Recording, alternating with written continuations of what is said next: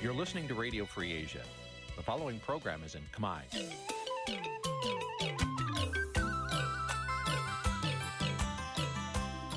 នេះជាកម្មវិធីផ្សាយ Vuthu Azizi Serai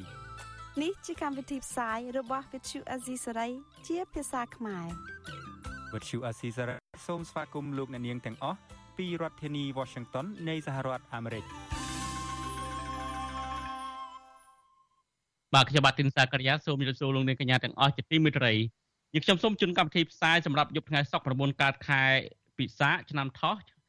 បច្ចស័កពុទ្ធសករាជ2566ត្រូវនៅថ្ងៃទី28ខែមេសាគ្រិស្តសករាជ2023បាទជាដំបូងនេះសូមអញ្ជើញលោកអ្នកកញ្ញាស្ដាប់ព័ត៌មានប្រចាំថ្ងៃដែលមានមេត្តាដូចតទៅ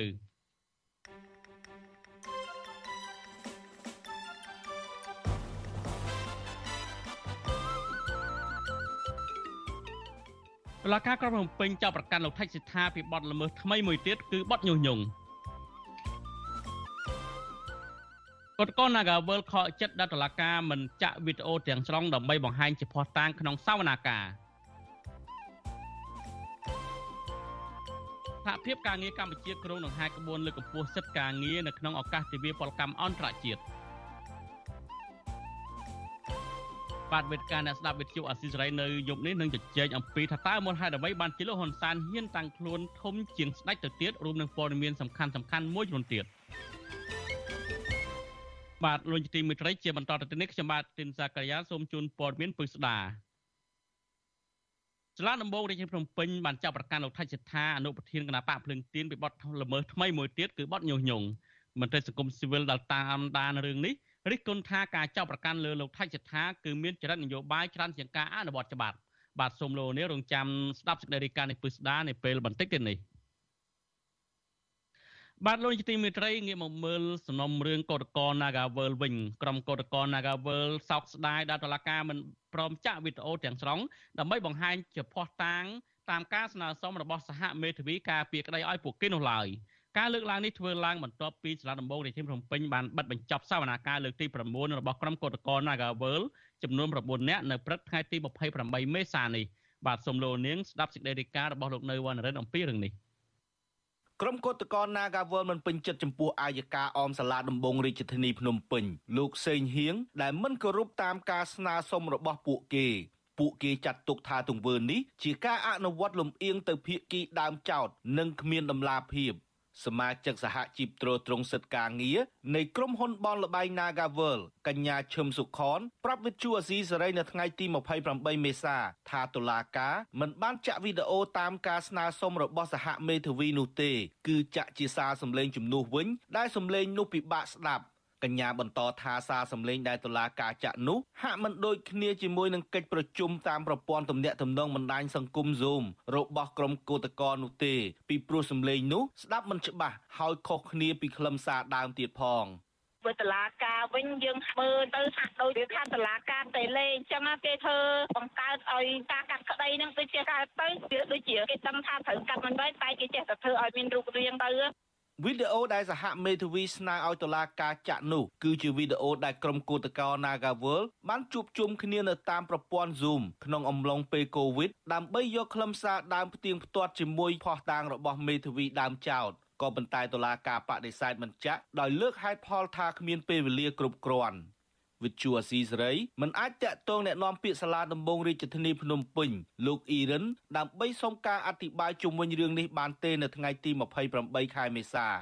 តកតងនឹងរឿងនេះដែរនាយកទទួលបន្ទុកកិច្ចការទូតនៃអង្គការ Liga do លោកអំសំអាត មានប្រសាសន៍ថាសារសម្លេងដែលតុលាការចាក់នោះហាក់មិនពាក់ព័ន្ធជាមួយក្រុមកោតក្រ Nagawal នោះទេពីព្រោះនៅក្នុងសារសម្លេងនោះគឺក្រុមកោតក្រទាំង9នាក់កំពុងជាប់ឃុំនៅពន្ធនាគារ លោកឆ្ងល់ថាបើក្រុមគឧតកោទាំង9នាក់កំពុងជាប់ឃុំដូច្នេះសារសម្លេងនោះដើមចោតបានមកពីណាទៅវិញ ក្នុងករណីនេះដូចជាអង្គការសង្គមស៊ីវិលយើងតែងតែលើកឡើងហើយដូចជាសហគមន៍អន្តរជាតិហ្នឹងគឺគេទាមទារមានការដោះលែងកញ្ញាឈឹមស៊ីអូហើយនឹងទម្លាក់ចោលប្របាត់ចោលប្រកាន់មេដឹកនាំសហជីពនិងសមាជិកសហជីពទាំងអស់ហ្នឹងហើយវិលទៅរកការដោះស្រាយវិវាទការងារដើម្បីបញ្ចប់រវាងក្រុមហ៊ុន Nagavel ជាមួយនឹងក្រុមគឧតកោអានឹងវាជាដំណោះស្រាយល្អបាទ សវនាការនៅថ្ងៃសុក្រនេះមានការចូលរួមពីមន្ត្រីអង្គការលីកាដូមន្ត្រីអង្គការអាត6និងមន្ត្រីអង្គការសហប្រជាជាតិព្រមទាំងក្រុមកោតក្រជាង30នាក់ឯនៅក្រៅរបងវិញមានកោតក្រមួយចំនួនពាក់របាំងមុខកញ្ញាឈឹមស៊ីធដើម្បីបង្ហាញពីក្តីនឹករលឹកនិងគំរូវីរភាពរបស់តំណាងសហជីពពួកគេ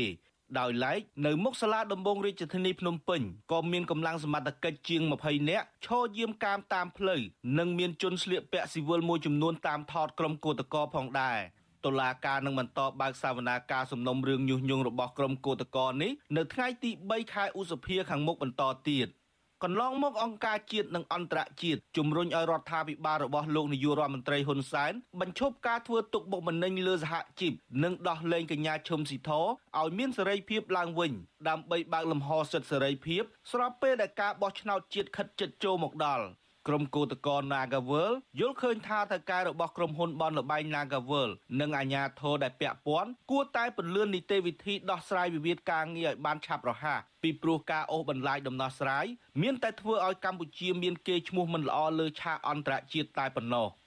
ខ្ញុំបាទនៅវណ្ណរិន With Chu Azizi Saray ពីរដ្ឋធានី Washington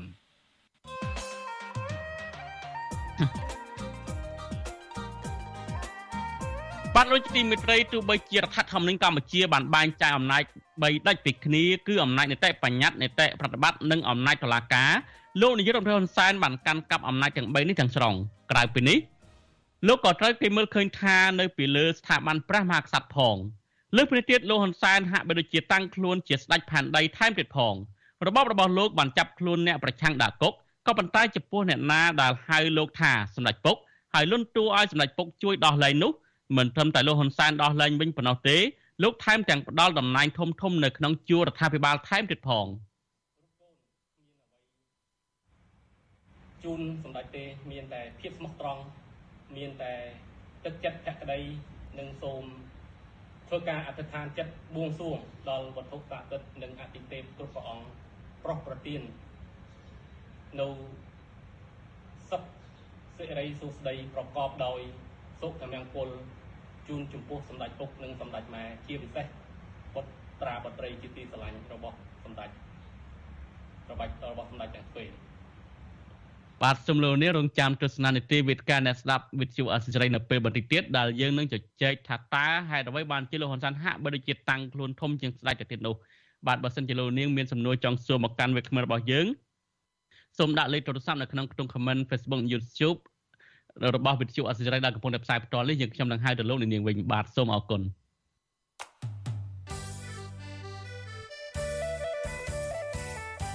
បាទខ្ញុំបាទសូមជម្រាបសួរអស់លោកនាងកញ្ញាទាំងអស់ជាទីមេត្រីជួបខ្ញុំបាទសេបណ្ឌិតជាថ្មីទៀតហើយនៅក្នុងការផ្សព្វផ្សាយអំពីរឿងបោះឆ្នោត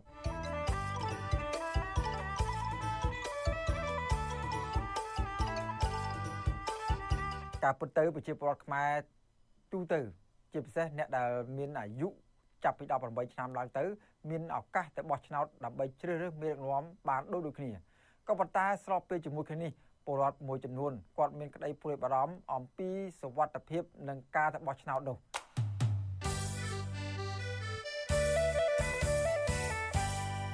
ក្តីបារម្ភនោះគឺពួកគាត់មើលឃើញស្ថានភាពនយោបាយនៅពេលបច្ចុប្បន្ននេះมันមានការបើកចំហទៅលើសិទ្ធិសេរីភាពបញ្ចេញមតិការ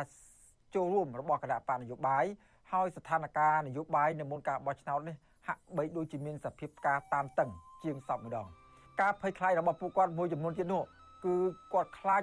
មិនបានប្រើប្រាស់សិទ្ធិជាពលរដ្ឋម្ចាស់ឆ្នោតឲ្យបានពេញលេញក្នុងការទៅជ្រើសរើសមេដឹកនាំដែលខ្លួនបានពេញចិត្តបាទហើយភ័យខ្លាចនឹងគណៈបកនយោបាយដែលគាត់ពេញចិត្តថានឹងបោះឆ្នោតឲ្យនោះ មានការខកខាន មិនបានចូលរួមក្នុងការបោះឆ្នោតដោយសារតែមានការគម្រាមកំហែងនិងស្ថានភាពនយោបាយមិនអំណោយផលជាដើមបាទពួកគាត់ខ្វាយខ្លាចថាអាញាកណ្ដាលគោចបមិនឯករាជ្យធ្វើឲ្យសិលឹកឆ្នោតរបស់ពួកគាត់ខ្លាចទៅជាអាសាបង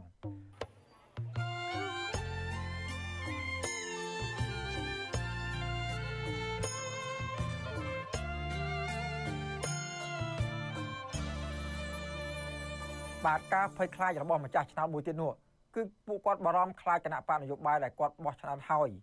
មានសម្លេងគាំទ្រច្រើនមានឱកាសទៅកាន់គ្រប់គ្រងរដ្ឋាភិបាលឬមួយក៏មានឱកាសចូលទៅធ្វើការនៅក្នុងរដ្ឋសភាតំណាងឲ្យម្ចាស់ឆ្នោតនោះមិនបានធ្វើការបានដល់ពេញលេញពីព្រោះគណៈបករបស់គាត់ត្រូវបានគេរំលាយនៅក្រៅការបោះឆ្នោត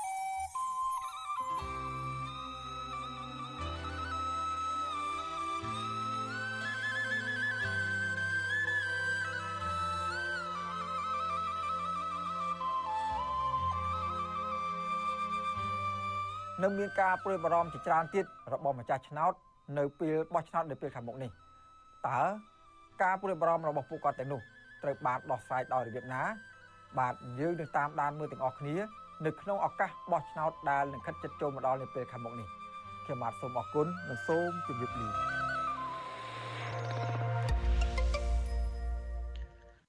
បាទលោកនាយកទីបាទលោកនាយកទីមេត្រីនៅមានសេចក្តីរាយការណ៍មួយទៀតដែលតឡាការក្រុងភ្នំពេញដែលកំពុងតែមមាញឹកនៅក្នុងការកាត់សេចក្តីសំណុំរឿងមេរងនាំគណៈបកប្រឆាំងឬក៏សកម្មជនគណៈបកប្រឆាំងនោះតឡាការនេះក៏ផ្លាស់ប្ដូរទីតាំងដែលនៅកណ្ដាលទីក្រុងភ្នំពេញទៅនៅឯសង្កាត់ព្រែកលៀបឯនោះវិញមន្ត្រីសង្គមស៊ីវិលយល់ថាការផ្លាស់ប្ដូរទីតាំងអាគាររដ្ឋនេះមិនមែនជារឿងថ្មីនោះទេហើយផលប្រយោជន៍នោះក៏បានទៅលើគណៈបកកណ្ដាលអំណាចឬក៏ក្រុមគ្រួសាររបស់លោកហ៊ុនសែនដែរ បាទសូមលោកនាងស្ដាប់សេចក្តីរាយការណ៍របស់អ្នកស្រីម៉ៅសុធានីអំពីរឿងនេះដូចតទៅអ្នកវិភាគនិងមន្ត្រីសង្គមស៊ីវិលលើកឡើង ថាការផ្លាស់ប្ដូរទីតាំងសាលាដំបងរាជធានីភ្នំពេញថ្មីនេះมันបានផ្ដល់ផលប្រយោជន៍ដល់ប្រជាពលរដ្ឋខ្មែរនោះទេក៏ប៉ុន្តែដើម្បីលួចអាគារដែលនៅកណ្ដាលទីក្រុង រួចទៅសាងសង់នៅជ័យក្រុងខណៈលុយដែលចំណេញគឺបានទៅលើគណៈបកប្រជាជនកម្ពុជាប៉ុណ្ណោះ សេចក្តីជូនដំណឹងរបស់សាលាដំបងរាជធានីភ្នំពេញកាលពីថ្ងៃទី26ខែមេសាឲ្យដឹងថាសាលាដំបងរាជធានីភ្នំពេញនឹងបដូរទីតាំងពីសង្កាត់វាវងខណ្ឌ7មករា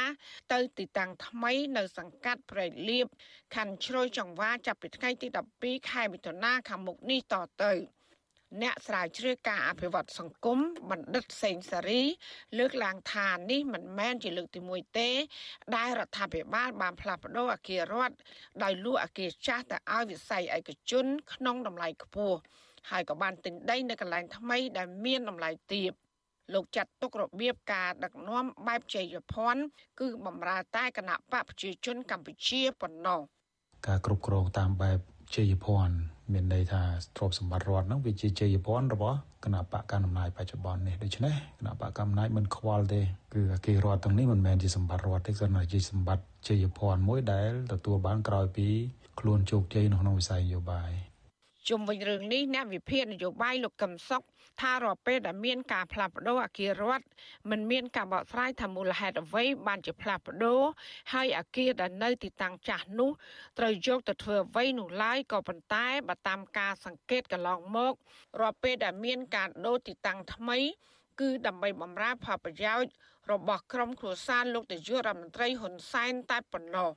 ការផ្លាស់ប្ដូរជាទំនៀមទម្លាប់កន្លងមកមានអ្វីក្រៅតែពីក្រមគ្រួសារហ៊ុនបរមូលយកលុយពីដី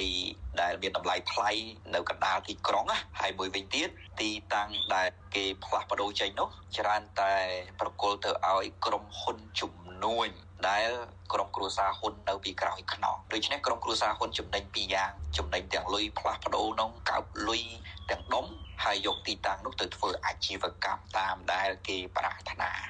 វិទ្យុអសីស្រីមិនអាចសុំការឆ្លើយតបពីអ្នកនាំពាក្យក្រសួងយុតិធម៌លោកឈិនម៉ាលីនហើយនឹងលោកកឹមសន្តិភាពបាននៅឡើយទេ នៅថ្ងៃទី28ខែមេសា នាយកប្រតិបត្តិនៃអង្គការតម្លាភាពកម្ពុជាលោកពេជ្រពិសីលើកឡើងថាមួយរយៈពេលចុងក្រោយនេះអាគាររបស់រដ្ឋជាច្រើនត្រូវបានផ្លាស់ទៅតំបន់ជ័យក្រុង បណ្ដាលមកពីការកើនឡើងឥទ្ធិពលនៃតម្លៃដី នៅក្នុងកណ្ដាលទីក្រុងភ្នំពេញហើយដែលជាហេតុធ្វើឲ្យមានការលួចអគាររដ្ឋនិងទិញដីសាងសង់អគារថ្មីវិញនៅតំបន់ឆ្ងាយលោកជឿឃើញថាការផ្លាស់ប្ដូរទីតាំងនេះ រដ្ឋាភិបាលក៏គិតគូរពិចារណាឲ្យបានជាក់លាក់ពីព្រោះថាអគាររដ្ឋសុទ្ធតែមានគុណតម្លៃជាប្រវត្តិសាស្ត្រផងដែរអគាររដ្ឋមួយចំនួនហ្នឹងគឺមានគុណតម្លៃផ្នែកប្រវត្តិសាស្ត្រអញ្ចឹងបើសិនជាអគារហ្នឹងមានគុណតម្លៃប្រវត្តិសាស្ត្រអគារហ្នឹងបុរាណជារចនាបថដែលយើងគួរតែរក្សាការពារទៅតាមរចនាបថជាតិឬក៏ការថែរក្សាបេតិកភណ្ឌ របស់ក្រសួងវប្បធម៌ជាដើម កន្លងមកសាលាតោភ្នំពេញក៏បានដូរទីតាំងទៅកាន់សង្កាត់ព្រៃលៀបខណ្ឌជ្រោយចង្វា ហើយក្រសួងរៀបចំដែនដីនគររូបនីយកម្មនិងសំណង់ក៏បានផ្លាស់ប្ដូរទីតាំងថ្មី ដែលមានចម្ងាយជាង10គីឡូម៉ែត្រក៏ត្រឹមរមណីយដ្ឋានវត្តភ្នំ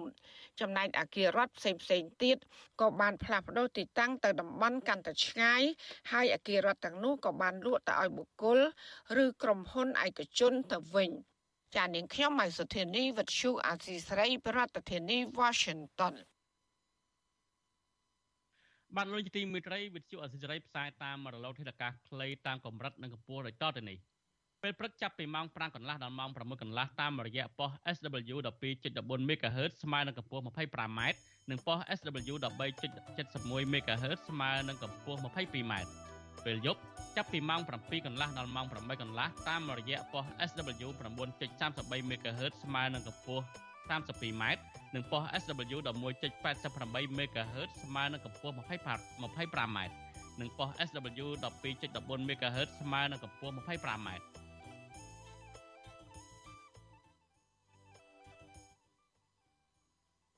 បានលោកជាទីមេត្រីងាកទៅមើលនៅឯប្រទេសថៃឯណោះវិញ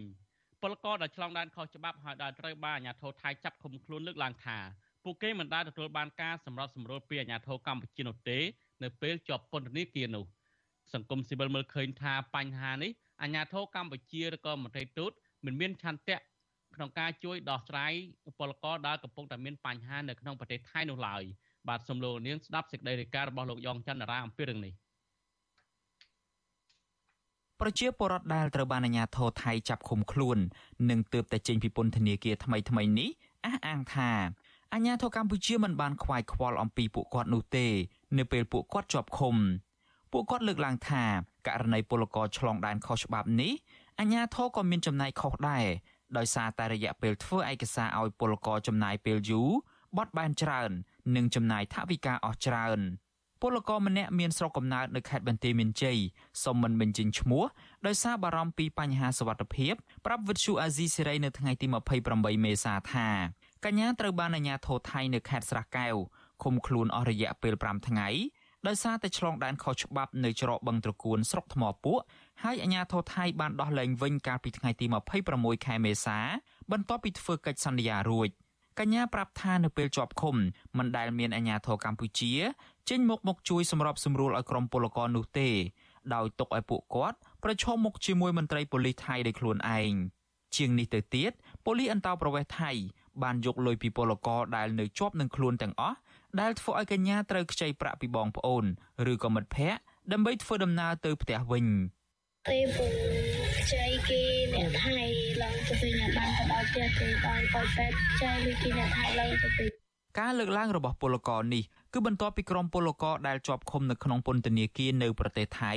ខកចិត្តចំពោះរដ្ឋាភិបាលកម្ពុជាដោយសារតែនៅពេលពួកគាត់ជាប់ឃុំនៅក្នុងពន្ធនាគារនៅប្រទេសថៃពួកគាត់បានថតវីដេអូនិងរូបភាពបង្ហោះនៅលើបណ្ដាញសង្គមប្រងព្រាតដើម្បីឲ្យរដ្ឋាភិបាលជួយអន្តរាគមន៍ដល់ពួកគាត់នៅក្នុងនោះមានអ្នកខ្លះបានបន់ស្រន់ឲ្យលោកហ៊ុនសែនដែលពួកគាត់ហៅថាជាសម្ដេចពុកនោះឲ្យជួយដែរក៏ប៉ុន្តែមិនទទួលបានការឆ្លើយតបនោះទេ កាលពីថ្ងៃទី23ខែមេសាទាហានថៃនៅស្រុកអរញ្ញប្រទេសខេត្តស្រះកែវបានចាប់ពលករចំណាក់ស្រុកខុសច្បាប់ជាង100នាក់ដែលលួចឆ្លងដែនចូលប្រទេសថៃដោយខុសច្បាប់ក្រោយពិធីបុណ្យចូលឆ្នាំរួចនៅក្នុងនោះមានពលករខ្មែរចំនួន112នាក់ក្មេង7នាក់និងបងក្លាដេសចំនួន11នាក់ចំណែកជនជាតិថៃ2នាក់ទៀតគឺជាមេខ្យល់លទ្ធផលបូកសរុបបឋមរបស់អាជ្ញាធរថៃឲ្យដឹងថាគិតត្រឹមថ្ងៃបញ្ចប់នៃពិធីបុណ្យចូលឆ្នាំ មានពលករខ្មែរឆ្លងដែនខុសច្បាប់ចំនួនជិត900នាក់ហើយដែលអាជ្ញាធរថៃចាប់ខ្លួនបានចំពោះករណីចាប់ពលករខ្មែរម្ដងរាប់រយនាក់បែបនេះរដ្ឋាភិបាលកម្ពុជាមិនបានចេញសេចក្តីថ្លែងការណ៍ឬក៏ចេញមុខបកស្រាយរឿងទាំងនេះនោះទេពលករម្នាក់ទៀតមានស្រុកកំណើតនៅខេត្តពោធិ៍សាត់ធ្វើការនៅទីក្រុងបាងកកលោកចិនរដ្ឋាឲ្យដឹងថាលោកបានជាប់ពន្ធនាគារអស់ជាច្រើនថ្ងៃនៅខេត្តស្រះកែវដោយសារឆ្លងដែនខុសច្បាប់ លោកលើកឡើងថាគ្មាននរណាម្នាក់ចង់ឆ្លងដែនមកធ្វើការខុសច្បាប់ដូចនេះឡើយក៏ប៉ុន្តែដោយសារតែជីវភាពខ្វះខាតគ្មានប្រាក់គ្រប់គ្រាន់ដើម្បីធ្វើឯកសារទើបធ្វើឲ្យលោកបង្ខំចិត្តផ្សងនឹងគ្រោះថ្នាក់លួចឆ្លងដែនទាំងប្រថុយប្រឋានបែបនេះលោកចិនរដ្ឋាឲ្យដឹងទៀតថានៅក្នុងរយៈពេលដែលលោកធ្វើការនៅស្រុកថៃអស់រយៈពេលជាច្រើនឆ្នាំមកនេះអាញាធរកម្ពុជាមិនបានយកចិត្តទុកដាក់ជួយទៅដល់ពលករខ្មែរដូចជាការជួយធ្វើឯកសារឲ្យពលករខុសច្បាប់ និងឃ្លាំមើលការរំលោភសិទ្ធិពលករពីសំណាក់ថៅកែជនជាតិថៃនោះឡើយ។យើងត្រូវការឯកសារដើម្បីការត្រូវច្បាប់យើងឡើងមកដល់ស្ថានទូតខ្លួនឯងជួនកាលអញស្ដីឲ្យគ្នាអត់មានថាការបណ្ដោះបណ្ដាលឲ្យគ្នាទាល់ពីច្បាប់ទម្លាប់ឬមួយយ៉ាងណាអត់មានអឺប្រាប់ថាធ្វើម៉េចមិននេះយើងវាល្ងងទៅហើយយើងមិនមាននេះណាយើងចង់បានឯកសារដើរដើម្បីបញ្ជាក់ឯកសារអីចឹងជួនកាលហៅស្ដីឲ្យគ្នាវិញចេះមួយចេះមួយវិទ្យុអាស៊ីសេរីមិនអាចតាក់ទងអនុព័ន្ធការងារនៃស្ថានទូតខ្មែរប្រចាំប្រទេសថៃ លោកឈឹមវិបុលដើម្បីសុំការបកស្រាយអំពីរឿងនេះបានទេ នៅថ្ងៃទី28ខែមេសាតកតងទៅនឹងបញ្ហានេះស្នងការរងនគរបាលខេត្តបន្ទាយមានជ័យទទួលបន្ទុកការពីព្រំដែនលោកអ៊ុំសុផលប្រាប់វិទ្យុអាស៊ីសេរីថាលោកមិនបានដឹងព័ត៌មានករណីអាញាធរថៃចាប់ពលករខ្មែរឆ្លងដែនខុសច្បាប់នោះឡើយក៏ប៉ុន្តែលោកបញ្ជាក់ថារឿងនេះមិនចោទជាបញ្ហាអ្វីនោះទេ ពីព្រោះអាញាធរថៃឃុំខ្លួនពលករខ្មែរយ៉ាងយូរ3ថ្ងៃហើយគេនឹងដោះលែងពួកគាត់វិញយើងមានជាប់ពលនេះគេខ្ញុំមិនដឹងខ្ញុំអត់ដឹងថាខ្ញុំចូលជាប់នៅណាជុំវិញរឿងនេះមន្ត្រីកម្មវិធីការពារសិទ្ធិពលករចំណាក់ស្រុកនៃអង្គការសង្ត្រាល់លោកឌីថេហូយ៉ាមានប្រសាសន៍ថាតាមការប៉ាន់ប្រមាណរបស់អង្គការសង្ត្រាល់ក្នុងចំណោមពលករខ្មែរធ្វើការនៅប្រទេសថៃប្រមាណ2លាននាក់មានប្រមាណ8សែននាក់គឺជាពលករខុសច្បាប់ លោកបន្តថាចំពោះករណីអាញាធរថៃយកប្រាក់ពីពលករខ្មែរដែលឆ្លងដែនខុសច្បាប់អស់ពីខ្លួននេះគឺជាការប្រព្រឹត្តខុសគោលការណ៍ច្បាប់លោកលើកឡើងទៀតថាតាមរយៈការជួបសន្ទនាជាមួយពលករពួកគាត់អះអាងដូចដូចគ្នាថាអាញាធរកម្ពុជាអសកម្មនៅក្នុងការជួយគាំពៀដល់ពលករទៅលើការសម្របសម្រួលធ្វើឯកសារនិងការអន្តរាគមន៍ទៅលើការរំលោភសិទ្ធិការងារពីសំណាក់ថៅកែជនជាតិថៃ។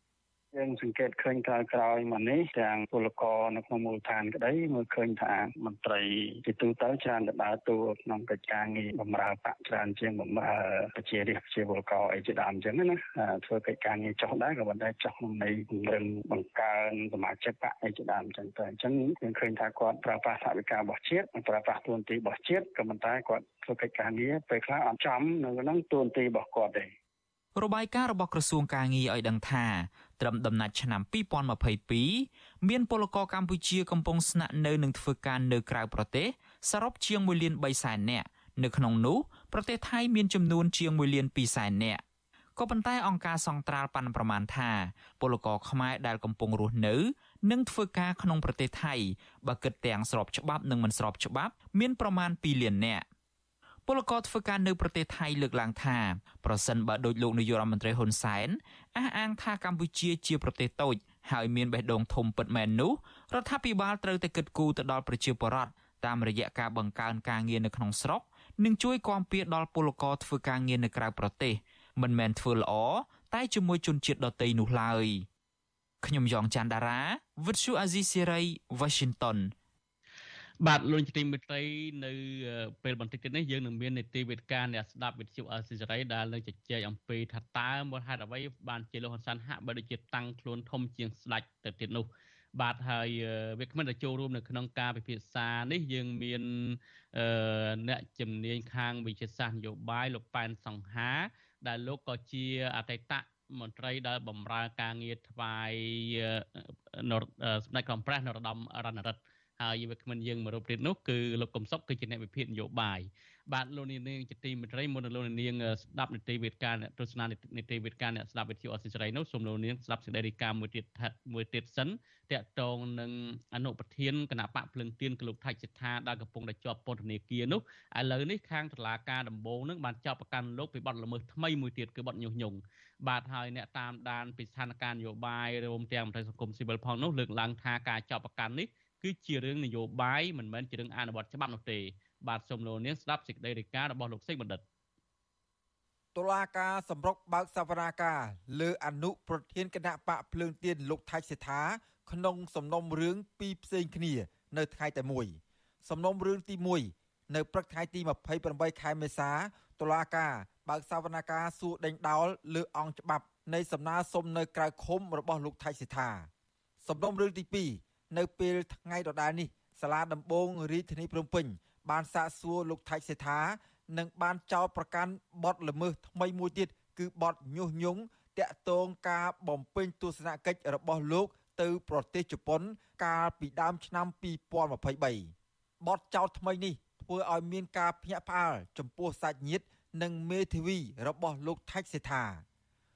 មន្ត្រីសង្គមស៊ីវិលរីគុណថា ចំណាត់ការផ្លូវច្បាប់លើលោកថៃសេដ្ឋាបែបនេះហាក់មានចេតនាមិនចង់ឲ្យអ្នកនយោបាយជាន់ខ្ពស់របស់គណៈបកភ្លើងទៀនអាចនៅក្រៅឃុំដើម្បីចូលរួមប្រគួតប្រជែងការបោះឆ្នោតនៅថ្ងៃទី23ខែកក្កដាខាងមុខនោះទេលោកថៃសេដ្ឋាស្ថិតនៅក្នុងសម្លៀកបំពាក់ពណ៌ស្លាទុំដុសពុកមាត់ច្រើន បានចូលទៅបំភ្លឺក្នុងបន្ទប់សវនាការនៃអង្គតុលាការកំពូលតាក់ទងនឹងសំណើសុំនៅក្រៅឃុំ ជីវិតក្នុងពន្ធនាគារជាង100ថ្ងៃមកនេះលោកថៃសេដ្ឋាហាក់មានសុខភាពទ្រុឌទ្រោមជាងមុន ចំណែកសក់និងពុកមាត់ក៏វែងជាងមុនផងដែរមេធាវីការពីក្តីលោកថៃសេដ្ឋាម្នាក់គឺលោកមេធាវីសឿនជុំជួនរំពឹងថាតុលាការកំពូលនឹងពិចារណាឲ្យកូនក្តីរបស់លោក បាននៅក្រៅឃុំលោកមេធាវីបន្តថាកូនក្តីរបស់លោកពេលនេះមានជំងឺបេះដូងធ្ងន់ធ្ងរហើយកូនក្តីរបស់លោក ថាក៏មានថវិកាជាង30000ដុល្លារសម្រាប់ដំកល់នៅតុលាការត្រៀមសងឲ្យដើមមិនដឹងក្នុងនាមជាសហមេធាវីការពារសិទ្ធិឲ្យចន្ទរចតធម្មតាយើងតែមានក្តីសង្ឃឹមនៅក្នុងការការពារសិទ្ធិឲ្យចន្ទរចតហើយសង្ឃឹមថាតុលាការកំពូលនឹងពិចារណានៅក្នុងអ្វីដែលជាការលើកឡើងនៅក្នុងអង្គការប្រព័ន្ធមេធាវីគឺនឹងត្រូវបានដល់ឡើងអង្គិតនៅក្រៅគុំជាបរសងស្រដៀងគ្នានេះដែរប្រពន្ធលោកថៃសេដ្ឋា គឺលោកស្រីថាច់សុកបូរ៉ានី ស្នើទៅតុលាការកំពូលគូអនុញ្ញាតឲ្យប្តីរបស់លោកស្រីអាចនៅក្រៅឃុំ ដើម្បីឲ្យប្តីរបស់លោកស្រី មានពេលគ្រប់គ្រាន់ព្យាបាលជំងឺបេះដូងខ្ញុំក៏រកជំនុំពរថា សូមឲ្យតឡាការយកយល់អាណត្តិគាត់ជំងឺបេះដូងគាត់យឺតរើឡើងធ្វើຕົកចឹងណាហើយនឹងអ្នកក្រុមគ្រួសារពួកខ្ញុំដោះលែងគាត់មកជុំជុំគ្រួសារវិញកុំឲ្យបែកបាក់ប្តីប្រពន្ធចាំគាត់មកផ្ទះមកសុបាយអីគាត់ខែសុខភាពអីទៅពេទ្យបាត់អីមើលឆែកខ្លួនគាត់ផងសមត្ថកិច្ចបានចាប់ខ្លួនលោកថៃសេដ្ឋាកាលពីថ្ងៃទី16មករាដោយចោទប្រកាន់ពីបទមិនបំពេញកាតព្វកិច្ចចំពោះឧបករណ៍អាចជួញដូរបាន ឬចេញសែកស្អុយសំណុំរឿងទី1នេះតុលាការកំពូលគ្រងប្រកាសសាលដីកានៅថ្ងៃទី3ខែឧសភាខាងមុខមន្ត្រីជាន់ខ្ពស់សមាគមការពារសិទ្ធិមនុស្សអាត6លោកយីសុកសាន សង្កេតឃើញថាភៀកគីម្ចាស់បំណុលហាក់មិនចង់ឲ្យលោកថៃសិដ្ឋាមានឱកាសសងបំណុលនោះទេ តែហាក់ចង់ឲ្យលោកថៃសិដ្ឋាជាប់ឃុំទៅវិញ លោកបន្តទៀតថា សំណុំរឿងនេះ មានចរិតនយោបាយជាងការអនុវត្តច្បាប់ នៅពេលដែលកូនបំណុលចូលខ្លួនសងហាក់អីដូចជាខាងម្ចាស់បំណុលហ្នឹងមិនសូវចូលរួមសកម្មក្នុងការទៀមទាបែរជាខាងតុលាការហាក់ដូចជារោគផោះតាងដើម្បីដាក់បន្ទុកហាក់ដូចជាមិនចង់ឲ្យនៅក្រៅគុំឬមួយក៏មិនចង់ទទួលយកអានេះជាការកត់សម្គាល់វាគួរណាស់តែនៅពេលដែលគេសងហើយយកសំណងហ្នឹងយកមកដោះស្រាយទៅហេតុអីបានជាទុកឲ្យមានបញ្ហារហូតមកដល់ពេលនេះ ចំណែកសំណុំរឿងទី2សាលាដំបងរាជធានីភ្នំពេញ បានចោទប្រកាន់លោកថៃសេដ្ឋាមួយករណីថ្មីទៀតពីបទញុះញង់តាមមាត្រា494និងមាត្រា995នៃក្រមព្រហ្មទណ្ឌបទចោទថ្មីនេះ លោកថៃសេដ្ឋាអាចប្រឈមជាប់ពន្ធនាគារពី6ខែទៅ2ឆ្នាំបើសិនជាតុលាការរកឃើញកំហុសដោយការចោទប្រកាន់មែននោះមេធាវីការពីក្តីឲ្យលោកថៃសេដ្ឋាម្នាក់ទៀត គឺលោកមេធាវីកែតខីឲ្យវិទ្យុអាស៊ីសេរីដឹង នៅថ្ងៃទី28ខែមេសាថាសមត្ថកិច្ចដឹកលោកថៃសេដ្ឋាមកសាលាដំបងរាជធានីភ្នំពេញពេលនេះដើម្បីសាកសួរជុំវិញសំណុំរឿងថ្មីមួយទៀតពាក់ព័ន្ធនឹងករណីញុះញង់កាលពីលោកថៃសេដ្ឋាធ្វើដំណើរទៅប្រទេសជប៉ុន ជួបអ្នកគាំទ្រគណៈបកភ្លើងទៀនកាលពីដើមឆ្នាំ2023លោកឲ្យដឹងទៀតថាតុលាការក្រុងភ្នំពេញ សម្រាប់ចេញដីកាឃុំខ្លួនថ្មីមួយទៀតលើលោកថៃសេដ្ឋាក្នុងសំណុំរឿងញុះញង់នេះដែរឯបដិគាត់គាត់និយាយនៅចប៉ុនឯបដិគាត់ពីបាត់ញុះញង់មកក៏មានពីប្រឹងអើងទៅបឹកបោចំពុកបើទោះជាតុលាការបន្ថែមបទចោទលើលោកថៃសេដ្ឋាតាក់ទងនឹងការធ្វើដំណើរទៅជួបអ្នកគាំទ្រនៅប្រទេសជប៉ុនប៉ុន្តែកាលពីលោកថៃសេដ្ឋាត្រឡប់ចូលមកប្រទេសកម្ពុជាវិញសមត្ថកិច្ចឬតុលាការ មិនបានបង្ហាញការចោទប្រកាន់លើលោកថៃសេដ្ឋាពាក់ព័ន្ធនឹងបញ្ហានេះទេប្រធានអង្គការសម្ព័ន្ធភាពការពារសិទ្ធិមនុស្សកម្ពុជាហៅកាត់ថាច្រាក់លោករស់សុថាយល់ថាការចោទប្រកាន់លើលោកថៃសេដ្ឋាក្នុងសំណុំរឿងថ្មី នៅពេលនេះជាការបន្ថែមទោសឲ្យអនុប្រធានគណៈបកភ្លើងទៀនរូបនេះជាប់ទោសកាន់តែធ្ងន់ថែមទៀតទោះយ៉ាងណាមន្ត្រីសង្គមស៊ីវិលរូបនេះចង់ឃើញអ្នកនយោបាយជាពិសេសគណៈបកកណ្ដាលអំណាច គួរបង្កបរិយាកាសល្អមុនការបោះឆ្នោតដើម្បីអាចឲ្យពលរដ្ឋចូលរួមការបោះឆ្នោតដោយគ្មានការភ័យខ្លាចបន្ថែមទោសនឹងកាន់បញ្ហាហ្នឹងវាដូចជាកាន់តែធ្ងន់ធ្ងរទៅធ្ងន់ទៅណាខ្ញុំនៅអញ្ចឹងខ្ញុំមានអីទេមានរំលឹកដាស់តឿនជាថ្មីទៅអ្នកនយោបាយទាំងអស់ត្រូវធ្វើម៉េចគិតគូរអំពីចិត្តសាស្ត្ររបស់ខ្លួនដែលរងទុក្ខវេទនាយូរឆ្នាំយូរខែមកហើយលោកថាច់សេថាជាអ្នកនយោបាយមានដើមកំណត់ខ្មែរក្រោមដ៏លេចធ្លោម្នាក់ ក្នុងចំណោមក្បាលម៉ាស៊ីនគណៈបកភ្លើងទៀន4រូបគិតមកដល់ពេលនេះលោកថៃសេថា បានជាប់ឃុំនៅពន្ធនាគារព្រៃសរម1អស់រយៈពេល102ថ្ងៃមកហើយលោកថៃសេថា ដែលមានអាយុ69ឆ្នាំ កំពុងមានជំងឺប្រចាំកាយមួយចំនួន ដូចជា ជំងឺបេះដូង ជំងឺលើឈាម និងជំងឺទឹកនោមផ្អែមជាដើមខ្ញុំបាទសេកបណ្ឌិតវិទ្យុអាស៊ីសេរីពីរដ្ឋធានីវ៉ាស៊ីនតោន បាទលោកនាយកទីមេត្រីក្នុងពេលដែលមេដឹកនាំគណៈបកភ្លឹងទៀនកំពុងជាប់ពន្ធនាគារគឺលោកថៃសិដ្ឋាកំពុងជាប់ពន្ធនាគារនេះឥឡូវនេះគឺសមាជិកគណៈកម្មការនយោបាយគណៈបកភ្លឹងទៀនមួយរូបទៀតគឺលោកផុនសុភាត្រូវបានអភិបាលខេត្តកណ្ដាលគឺលោកកុងសុភ័ណ្ឌបានដកលោកចេញពីមន្ត្រីរាជការនៅក្នុងខេត្តកណ្ដាលនៅមុននេះបន្តិចគឺលោកផុនសុភាបានឲ្យវិទ្យុអសិរ័យដឹងថាការដកហូតលោកចេញពី ក្របខ័ណ្ឌមន្ត្រីរាជការនេះគឺមិនបានបញ្ជាក់អំពីមូលហេតុអ្វីនោះទេហើយយើងមើលឃើញថានេះមិនមែនជាលើកទី1ទេដែលមន្ត្រីរាជការដែលងាកមកគ្រប់គ្រងគណៈបកភ្លឹងទៀនឬក៏មកធ្វើនយោបាយជាមួយគណៈបកភ្លឹងទៀនត្រូវបានដកចេញពីទូនាទីនៅក្នុងក្របខ័ណ្ឌរដ្ឋនោះគឺមានដូចជាលោកខមនីកុសលដែលជាប្រធានគណៈបកភ្លើងទៀននៅខេត្តបៃលិនជាដើម បាទលោកនេះទីមន្ត្រីងាកមកមើលរឿងខាងសហភាពការងារវិញសហភាពការងារកម្ពុជាក្រុងជួបជុំគ្នាប្រមាណជា2000នាក់នៅសួនច្បារក្រុមរក្សាអភិវឌ្ឍនៃឱកាសទិវាពលកម្មអន្តរជាតិនៅថ្ងៃទី1ឧសភាខាងមុខនេះការជួបជុំគ្នានេះនឹងចាប់ផ្ដើមនៅម៉ោង6កន្លះព្រឹករហូតដល់ម៉ោង11កន្លះថ្ងៃត្រង់ដោយមានការដង្ហែក្បួនលើកកម្ពស់សិទ្ធិការងារនិងសេរីភាពសហជីពចាប់ពីសួនច្បារក្រុមរក្សាអភិវឌ្ឍកម្ពុជាឆ្ពោះទៅរមណីយដ្ឋានវត្តភ្នំ រួចវិលមកសួនច្បារក្រុមរក្សាអភិវឌ្ឍកម្ពុជាវិញប្រធានសហភាពការងារកម្ពុជាលោកអាត់ថុនប្រាប់វិទ្យុអសិរ័យនៅថ្ងៃទី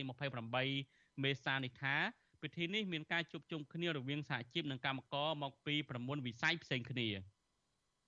លោកបន្តថាការប្រារព្ធកម្មវិធីគម្រប់ខួបលើកទី137នៃទិវាពលកម្មអន្តរជាតិនេះគឺមានគោលបំណងសំខាន់ដើម្បីរំលឹកដល់វីរភាពអ្នកដែលហ៊ានលះបង់ជីវិតដើម្បីទាមទារសិទ្ធិសេរីភាពការងារ និងដើម្បីផ្សព្វផ្សាយអំពីសារៈសំខាន់នៃទិវាពលកម្មអន្តរជាតិម្យ៉ាងវិញទៀតលោកអាត់ថុនចង់ក្រោលោកម្យ៉ាងវិញទៀតលោកអាត់ថុនអះអាងថាសេរីភាពសហជីពសេរីភាពសហជីពកម្ពុជា គឺ មានការរឹតបន្តឹងវាសំខាន់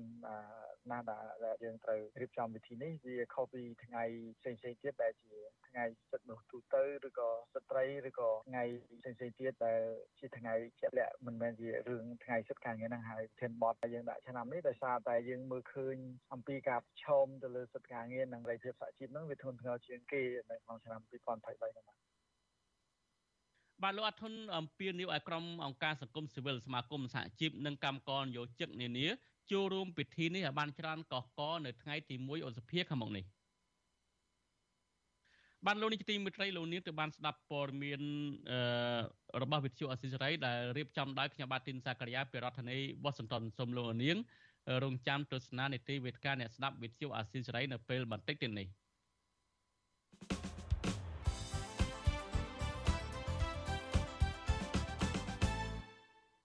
បាទលោកទីមិត្តរីជា បន្តទៅនេះគឺជានីតិវិទ្យាអ្នកស្ដាប់វិទ្យុអាស៊ីសេរី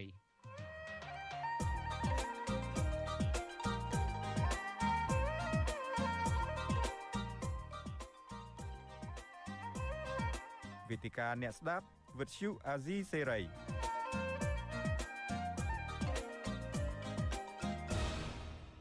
បាទខ្ញុំបាទទីនសាករិយាសូមជម្រាបសួរលោកនាងជាថ្មីម្ដងទៀត នីតិវិទ្យាអ្នកស្ដាប់វិទ្យុអសិរ័យនៅពេលនេះយើងនឹងជជែកអំពីថាតើហេតុអ្វីបានជាលោកហ៊ុនសែនហាក់បីជាហ៊ានតាំងខ្លួនធំជាងស្ដេចទៅទៀតនោះបាទវាគ្មិនទៅចូលរួមនៅក្នុងការពិភាក្សារបស់យើងនៅពេលនេះយើងមានលោកកឹមសុខដែលជាអ្នកវិភាគនយោបាយ ដែលលោកជេងចូលរួមពីប្រទេសហ្វាំងឡង់ហើយវាគ្មិនរបស់យើងមួយរូបទៀតគឺនៅសហរដ្ឋអាមេរិកដែរប៉ុន្តែនៅរដ្ឋកាលីហ្វ័រញ៉ាឥឡូវហ្នឹងគឺព្រលឹមឡើងគឺពេលព្រលឹមមែនតើគឺម៉ោងប្រហែលជា5ជាងទេ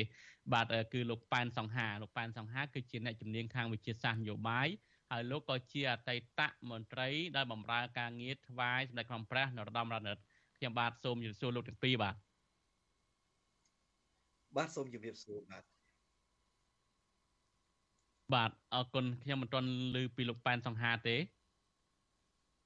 បាទប្រហែលជាអ្នកបច្ចេកទេសកំពុងតាក់ទងភ្ជាប់លោកប៉ែនសង្ហាខ្ញុំមិនបានឃើញរូបអ្វីទាំងអស់នៅលើ screen របស់ខ្ញុំនេះទាំងលោកកឹមសុខផងលោកកឹមសុខសុខសប្បាយដែរទេបាទបាទជំរាបសួរខ្ញុំសុខសប្បាយជាទេចេញពីពេទ្យថ្មីថ្មីអឺបាទខ្ញុំបានឃើញលោកប៉ែនសង្ហាហើយលោកប៉ែនសង្ហាឮខ្ញុំទេបាទជំរាបសួរបាទ សម្បាក់ម៉ៃបាទលោកសម្បាក់ម៉ៃបាទ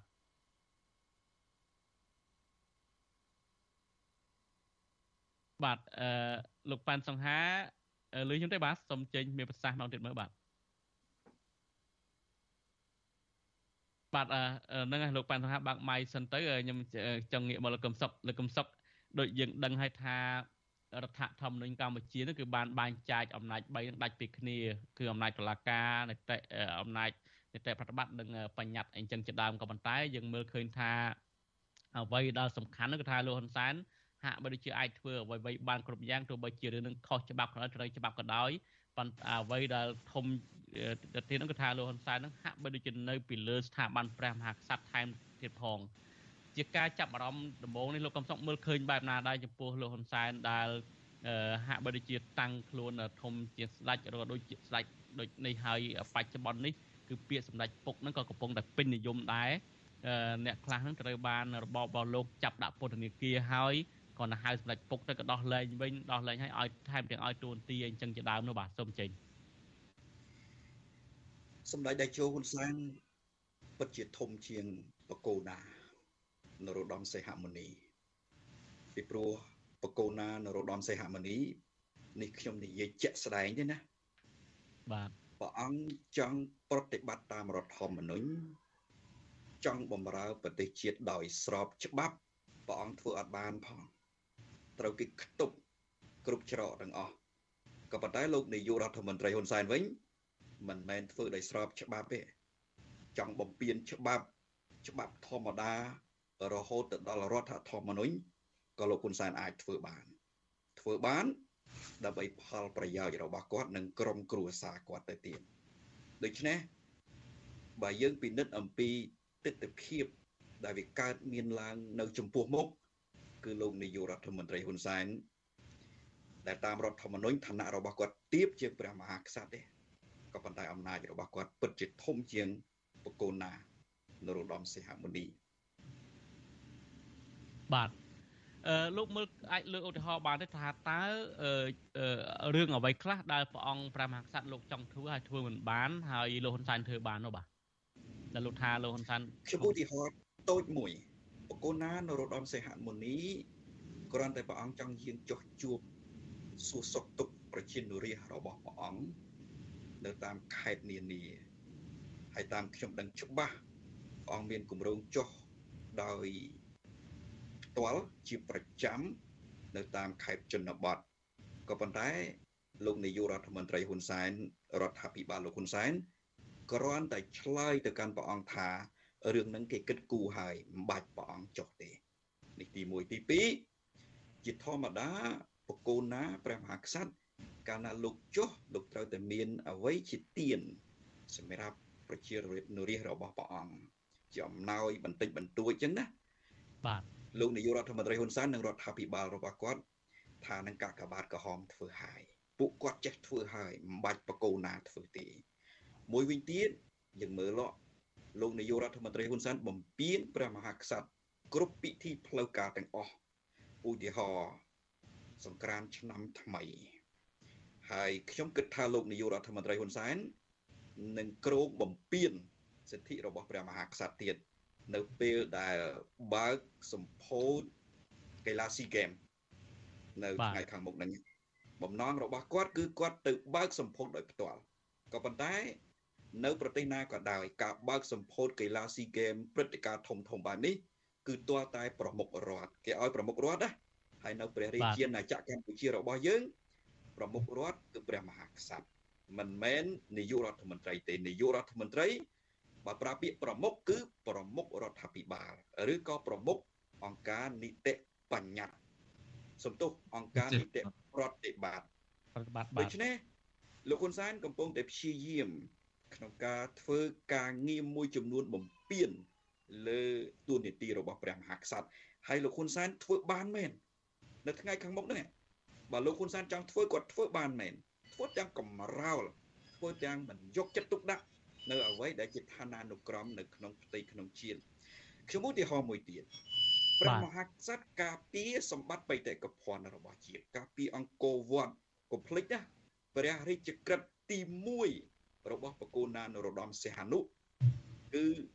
ការពារអង្គរវត្តនិយាយអំពីអប្សរាណាព្រះរាជក្រឹត្យដំបងបង្អស់ក្រោយពីកិច្ចព្រមព្រៀងសន្តិភាពទីក្រុងប៉ារី ក៏ប៉ុន្តែលោកនាយករដ្ឋមន្ត្រីហ៊ុនសែនចង់យកអង្គរវត្តឲ្យក្រុមហ៊ុនសុកគង់ឲ្យក្រុមហ៊ុនណាធ្វើអាជីវកម្មបានតាមចិត្តហើយឥឡូវហ្នឹងបណ្ដេញប្រជាពលរដ្ឋចេញពីតំបន់អង្គរតាមចិត្តរបស់គាត់ទៀតព្រះមហាក្សត្រការពារសម្បត្តិបេតិកភណ្ឌជាតិឧទាហរណ៍ថាការពារ Stade Olympic ឥឡូវលោកនាយករដ្ឋមន្ត្រីហ៊ុនសែនកាត់អស់30ម៉ែត្រការ៉េទៅហើយសំទោស កាត់អស់30ហត្តាទៅហើយ30ហត្តា30ហត្តានៃផ្ទៃដី40ហត្តានៅ Stade Olympic នេះខ្ញុំដឹងតាមប្រសាសន៍របស់លោកវ៉ាន់មូនីវ៉ាន់ដែលជាស្ថាបនិកស្ថាប Stade Olympic ហ្នឹង Stade Olympic កាត់30ហត្តាលក់ហើយលក់នោះលុយបើយើងគិតទៅប្រមាណ1500លានដុល្លារមិនដឹងយកទៅណាទេ ព្រះមហាក្សត្រការពារសម្បត្តិបេតិកភណ្ឌជាតិឧទាហរណ៍ការពារចិត្តដីបុរាណការពារគុតបុរាណនៅវត្តបទុមវត្តអណាឡោមវត្តផ្សេងផ្សេងទៀតនៅខេត្តកណ្ដាលនៅខេត្តកំពង់ធំជាដើមប៉ុន្តែ សម័យកាលលោកនាយករដ្ឋមន្ត្រីហ៊ុនសែនគឺគំតិចចោលទាំងអស់គាត់ធ្វើបាន នៅអ្វីដែលគាត់ចង់ធ្វើដូច្នេះហើយបើយើងមើលអំពីទស្សនវិជ្ជាជាក់ស្ដែងដោយតែខ្ញុំបញ្ជាក់ខាងដើមថាព្រះមហាក្សត្រគ្រាន់តែចង់ធ្វើកិច្ចការដោយស្របច្បាប់ការ ពារសម្បត្តិជាតិការពារប្រជាពលរដ្ឋព្រះអង្គធ្វើបានផងចំណែកលោកនាយករដ្ឋមន្ត្រីហ៊ុនសែនបំពេញសិទ្ធិប្រជាពលរដ្ឋបំពេញច្បាប់រំលោភរដ្ឋធម្មនុញ្ញទាំងកំរោលគាត់អាចធ្វើបានដើម្បីតែប្រយោជន៍របស់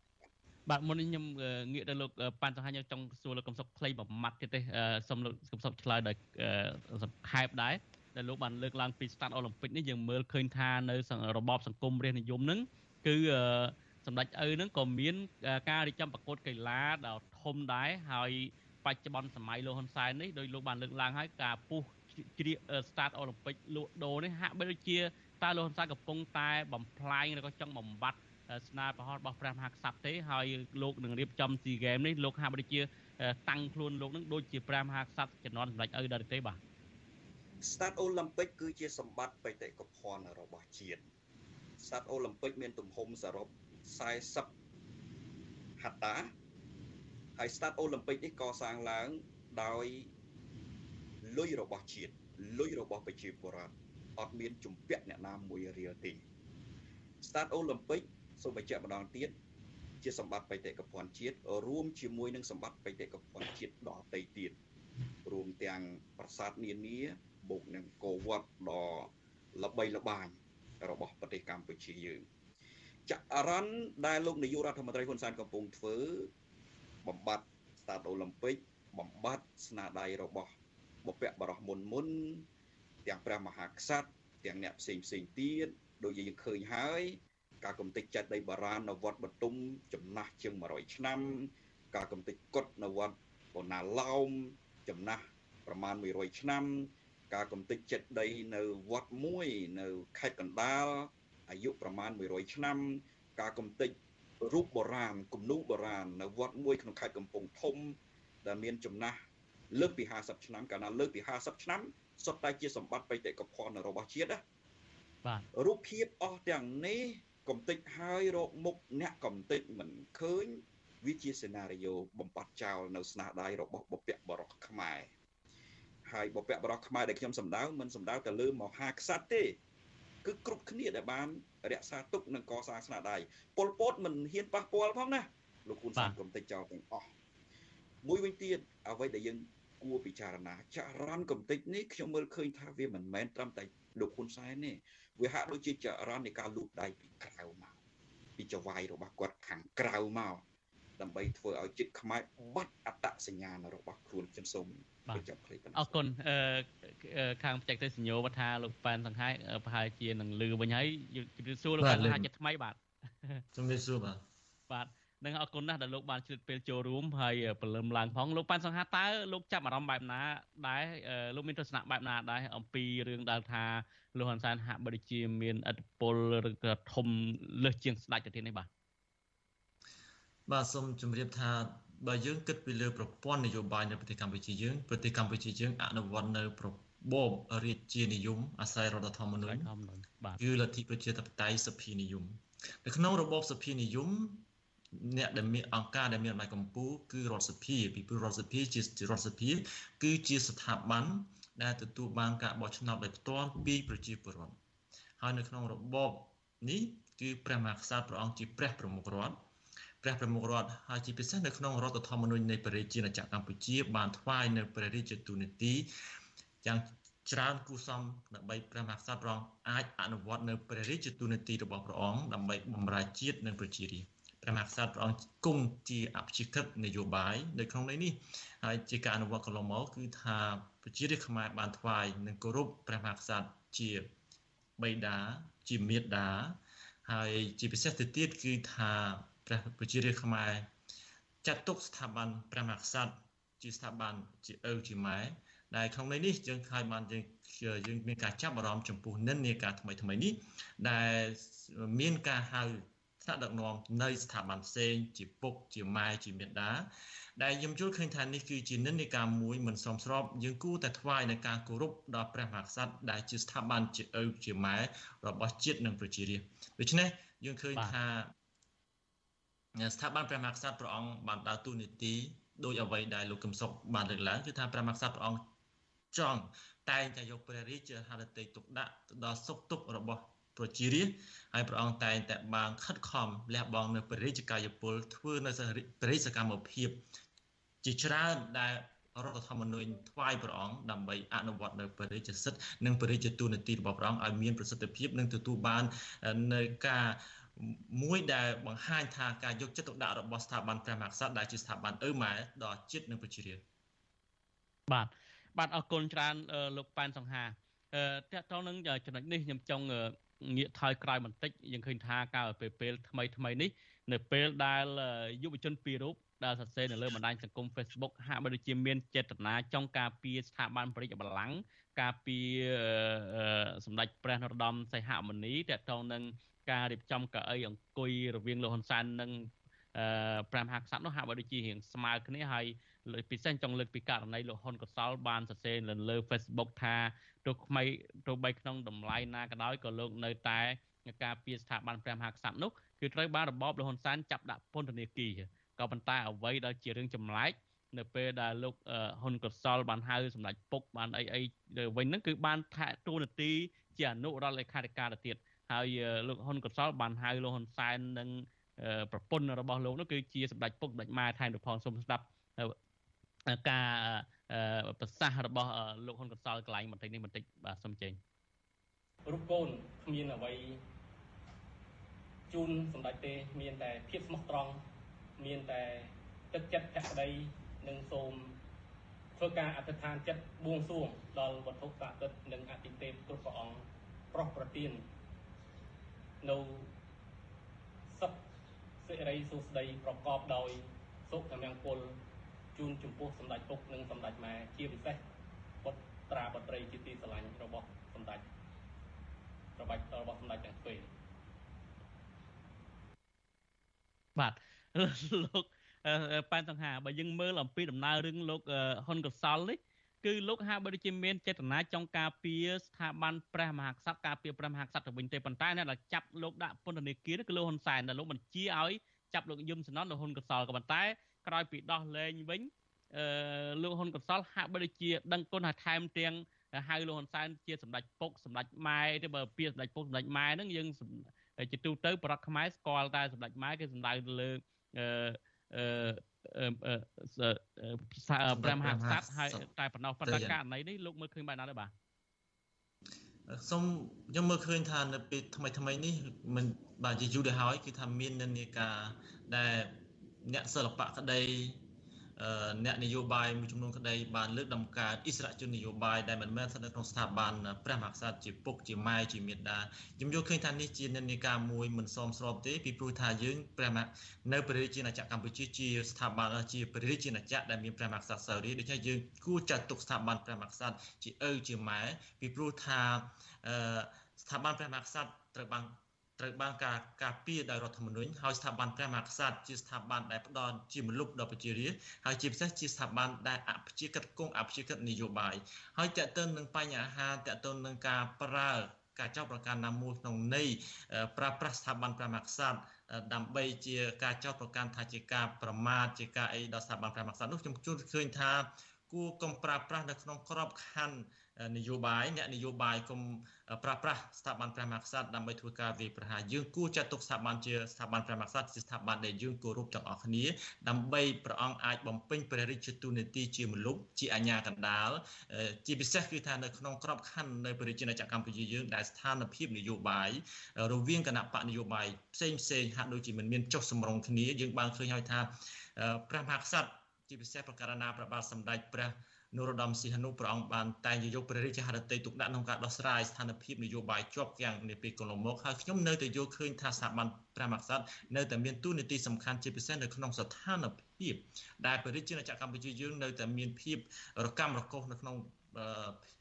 ស្ថានភាពនយោបាយនៅក្នុងឆាកនយោបាយដែលតែងតែមានភាពរកម្មកុសយើងគួរតែថ្វាយនៅការគោរពដល់ស្ថាប័នព្រះមហាក្សត្រដើម្បីព្រះអង្គអាចមានព្រះរាជាសកម្មភាពព្រះរាជទូនីតិនៅក្នុងការដោះស្រាយ ទៅក្នុងន័យនៃការសម្របសម្រួលគ្រប់ស្ថានភាពនយោបាយឲ្យបានធូរស្រាលហើយជាពិសេសសូមកុំប្រើប្រាស់សូមកុំអ្នកនយោបាយទាំងអស់សូមកុំប្រើប្រាស់ស្ថាប័នព្រះមហាក្សត្រដើម្បីធ្វើការវាយប្រហារហើយកុំជោគស្ថាប័នព្រះមហាក្សត្រដើម្បីទៅចោទប្រកាន់ណាមួយពីព្រោះស្ថាប័នព្រះមហាក្សត្រខ្ញុំយល់ឃើញថាព្រះអង្គជាស្ថាប័នជាពិសេសជាស្ថាប័នជាស្ថាប័នប្រមុខរដ្ឋ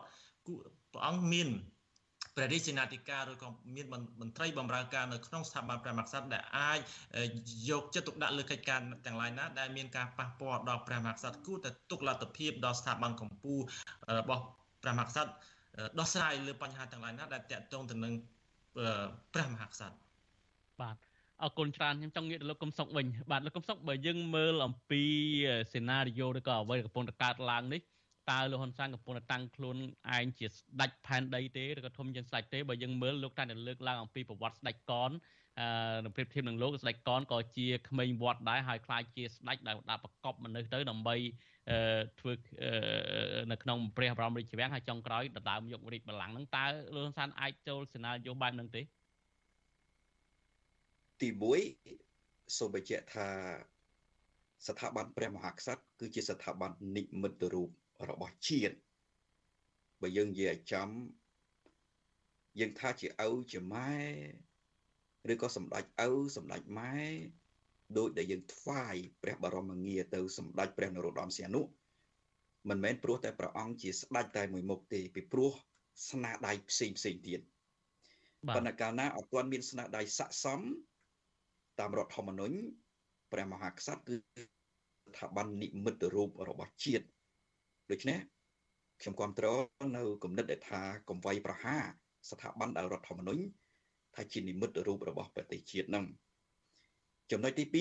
2ច្បាស់ណាស់សេណារីយ៉ូរបស់លោកនាយករដ្ឋមន្ត្រីហ៊ុនសែនស្ដែងចេញថាគាត់ចាត់ទុកខ្លួនគាត់ជាស្ដេចទៅហើយពីព្រោះកុំថាឡើយអ្នកណាទៅវ័យប្រហាព្រះមហាក្សត្រសម្ដេចព្រះនរោត្តមសីហមុនីបច្ចុប្បន្ន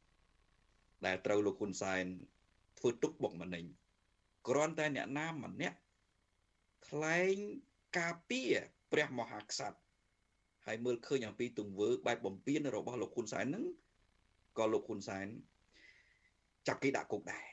មានន័យថាមិនត្រឹមតែរិះគន់ទេសូម្បីតែការពារក៏ចាប់គេដាក់គុកដែរនោះមានន័យថាមិនត្រូវការពារព្រះមហាក្សត្រទេតាមគំនិតរបស់លោកហ៊ុនសែន ត្រូវការពារគាត់ពីព្រោះគាត់ចាត់ទុកខ្លួនឯងជាស្ដេចណោះពាក្យសម្ដេចពុកសម្ដេចម៉ែនេះណាខ្ញុំនិយាយជិត10ឆ្នាំមកហើយអត់មានអ្នកជឿទេ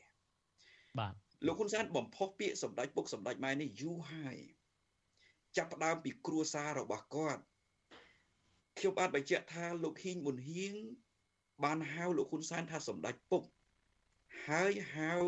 ភរិយារបស់លោកហ៊ុនសែនថាសម្ដេចម៉ែ មិនផ្លូវការ នៅពេលជួបម្ដងម្ដង គេអនុវត្តយូរហើយគ្រាន់តែគេសរសៀបន្តិចម្ដង បន្តិចម្ដង បន្តិចម្ដងឥឡូវហ្នឹងចេញសម្ដេចពុកសម្ដេចម៉ែជាសាធារណៈពួកអ្នកបានចង់តំណែង ពួកអ្នកចង់បានតំណែងក៏នាំគ្នា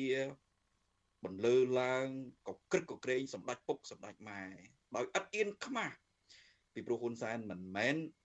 ជាប្រមុខរដ្ឋផងហ៊ុនសែន ក៏គ្មានសារដៃអ្វីដែរពីព្រោះ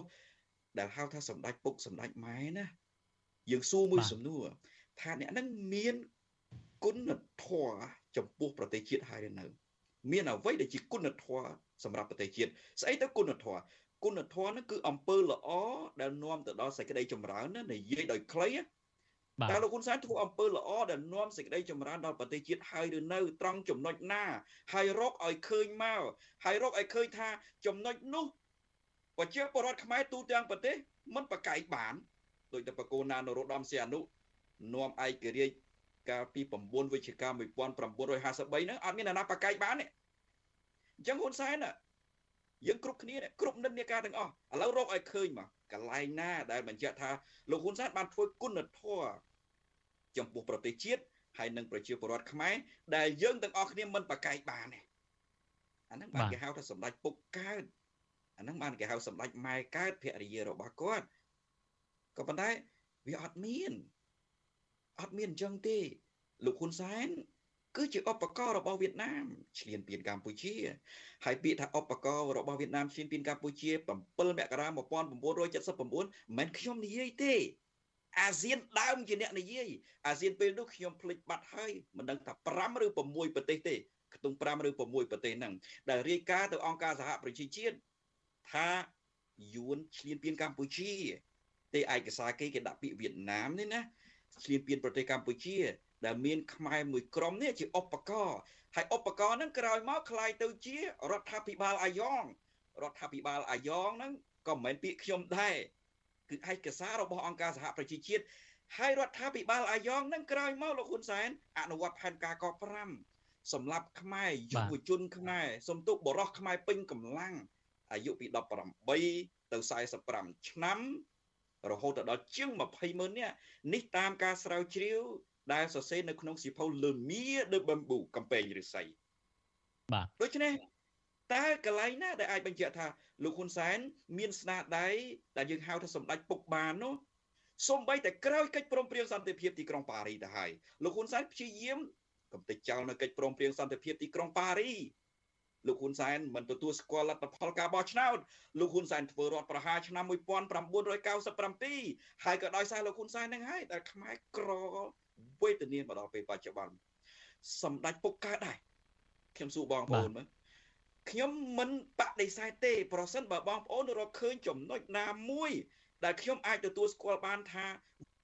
វាជាចំណុចល្អសម្រាប់ជាតិហើយខ្ញុំរកហេតុផលឲ្យច្បាស់ទៅបញ្យល់ថាគ្មានរឿងណាមួយដែលខ្ទាស់ទៅនឹងហេតុផលរបស់បងប្អូនដែលថាគាត់ជាសម្ដេចពុកនោះទេខ្ញុំទទួលស្គាល់ប៉ុន្តែមកដល់ពេលនេះខ្ញុំរកអត់ឃើញទេរកអត់ឃើញសូម្បីតែមួយចំណុច ដែលខ្ញុំហៅថាគុណធម៌ចំពោះប្រជាពលរដ្ឋខ្មែរនិងប្រទេសជាតិនោះណាបាទអរគុណខ្ញុំនឹងមានសំណួរសួរលោកកឹមសុខ